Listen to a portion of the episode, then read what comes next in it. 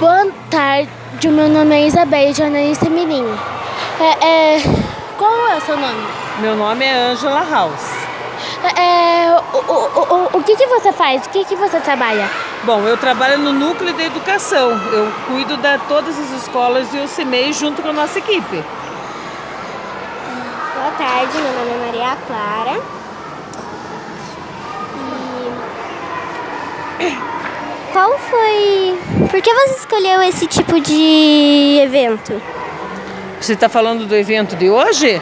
Bom, nós ajudamos porque é dentro do programa Linhas do Conhecimento, mas todas as pessoas do núcleo, que mesmo não fazem parte desse programa, resolveram ajudar porque o nosso foco são as crianças, né? E nós queremos que vocês se divirtam muito.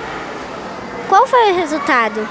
O resultado foi muito bom. O melhor resultado para nós é ver a alegria das crianças brincando. Esse para nós não tem melhor possível. Muito obrigada. Obrigada pela atenção. Desejo uma ótima tarde. E tchau. Tá bom. É, é, boa noite. tchau.